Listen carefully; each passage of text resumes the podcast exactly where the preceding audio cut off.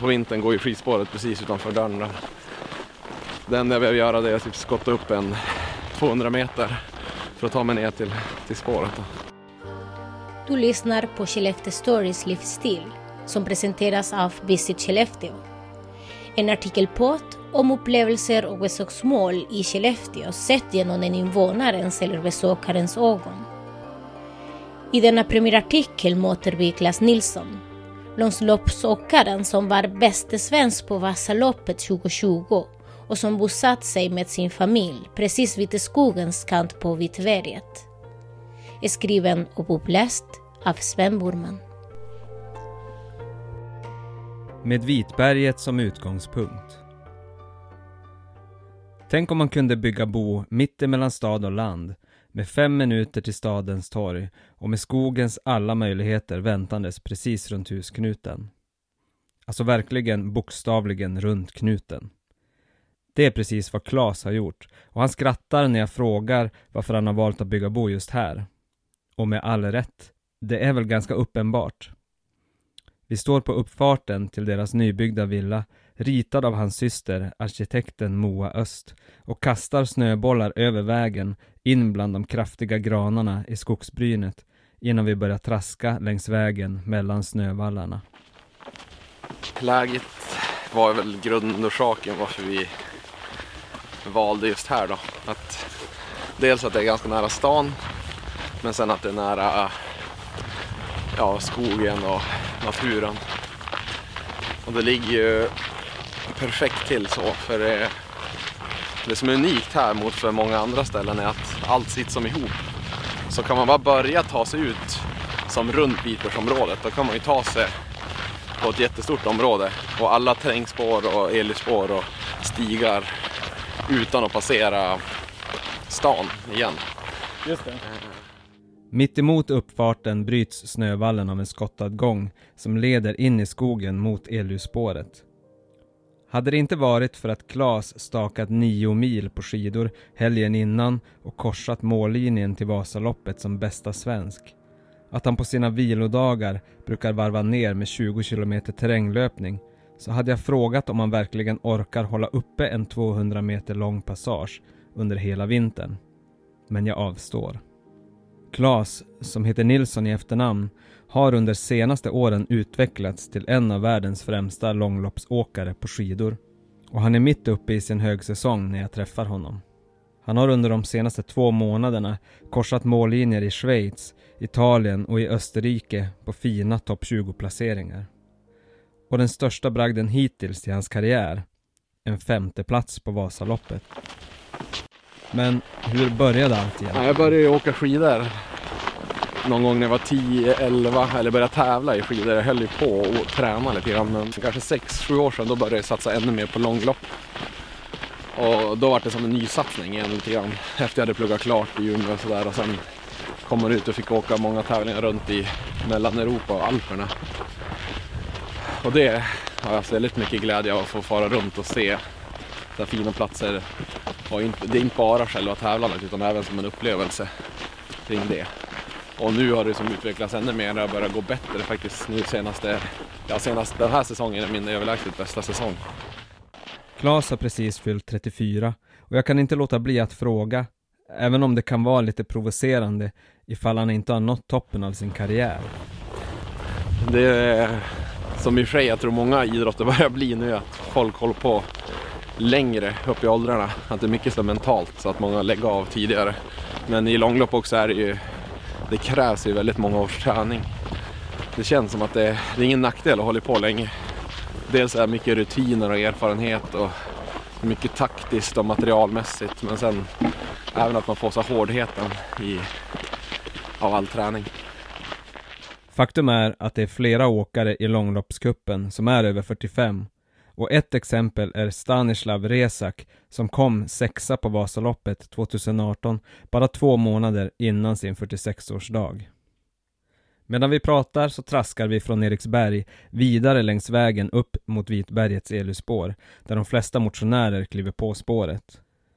Solen skiner, om än lågt denna marsdag, och om jag inte inbillar mig så värmer det faktiskt lite på kinderna.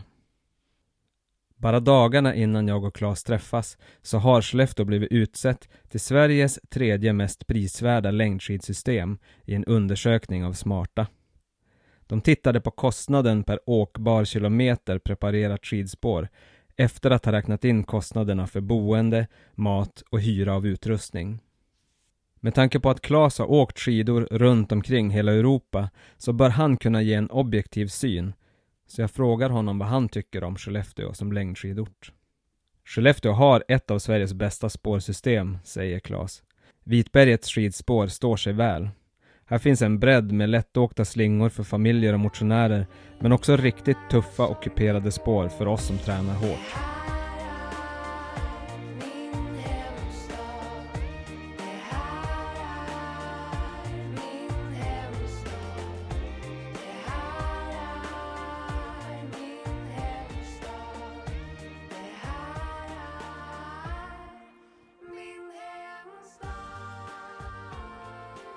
Klas summerar i huvudet samman alla eluspår inom centralorten och kommer fram till att man kan åka 16 kilometer sammanhängande elljusspår. Och under dagtid, när man inte är beroende av elljus, kan man åka flera mil. Ska man köra långa pass och vara ute länge så, så är det egentligen perfekt. Eh, som idag var ute och åkte tre timmar och vi åkte ju nästan aldrig samma runda flera gånger. Vi kunde liksom variera hela tiden, olika runder och sådär.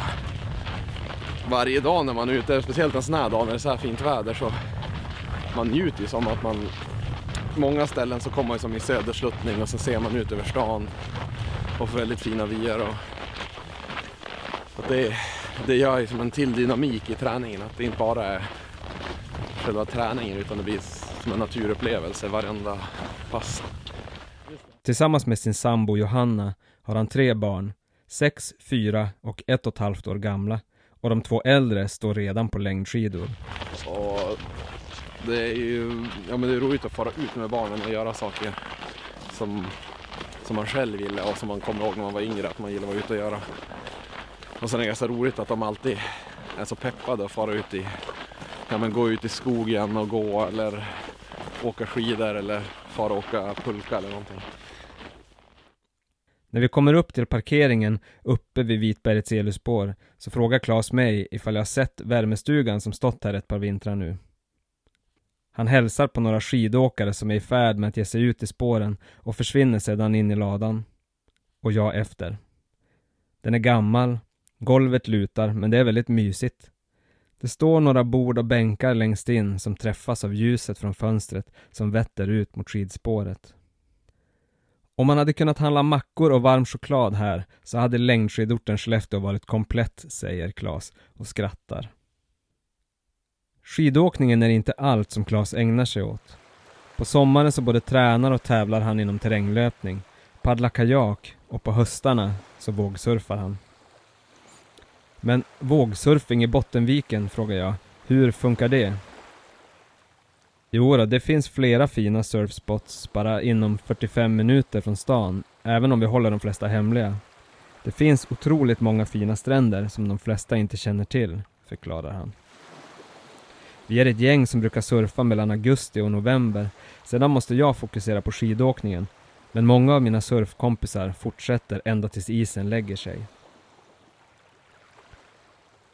Vi har börjat traska tillbaka mot Klas hus och jag fryser en aning i min tunna skaljacka och frågar Men hur klarar ni av att surfa i så kallt vatten? Vi har tjocka våtdräkter, huvor, handskar och skor när vi surfar. Det värsta är egentligen ansiktet. Ibland när man stiger upp i vattnet har man tjocka istappar som hänger ner från mustaschen och ögonbrynen.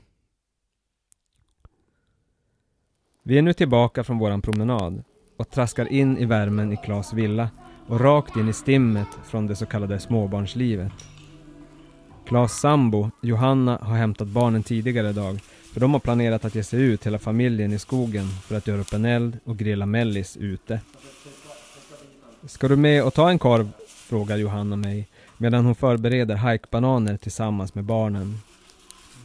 En korv hinner jag väl med, svarar jag och tänker att kontoret ska nog hinna sitta på tillräckligt mycket ändå den här veckan.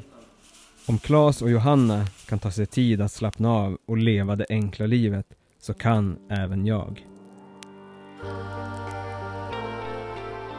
Du har precis hört Medvedberget som utgångspunkt. Vår första avsnitt i podden Skellefteå Stories livsstil. Ifall du vill veta mer om Skellefteå som länsskilt ort så har vi precis lanserat en länsskilt guide på visitskellefteå.se tillsammans med Klas. Där hittar du alla länsskiltspår i kommunen samt kan läsa klasstips för dig som vill komma igång och åka längdskidor med barn. Tack för att du har lyssnat.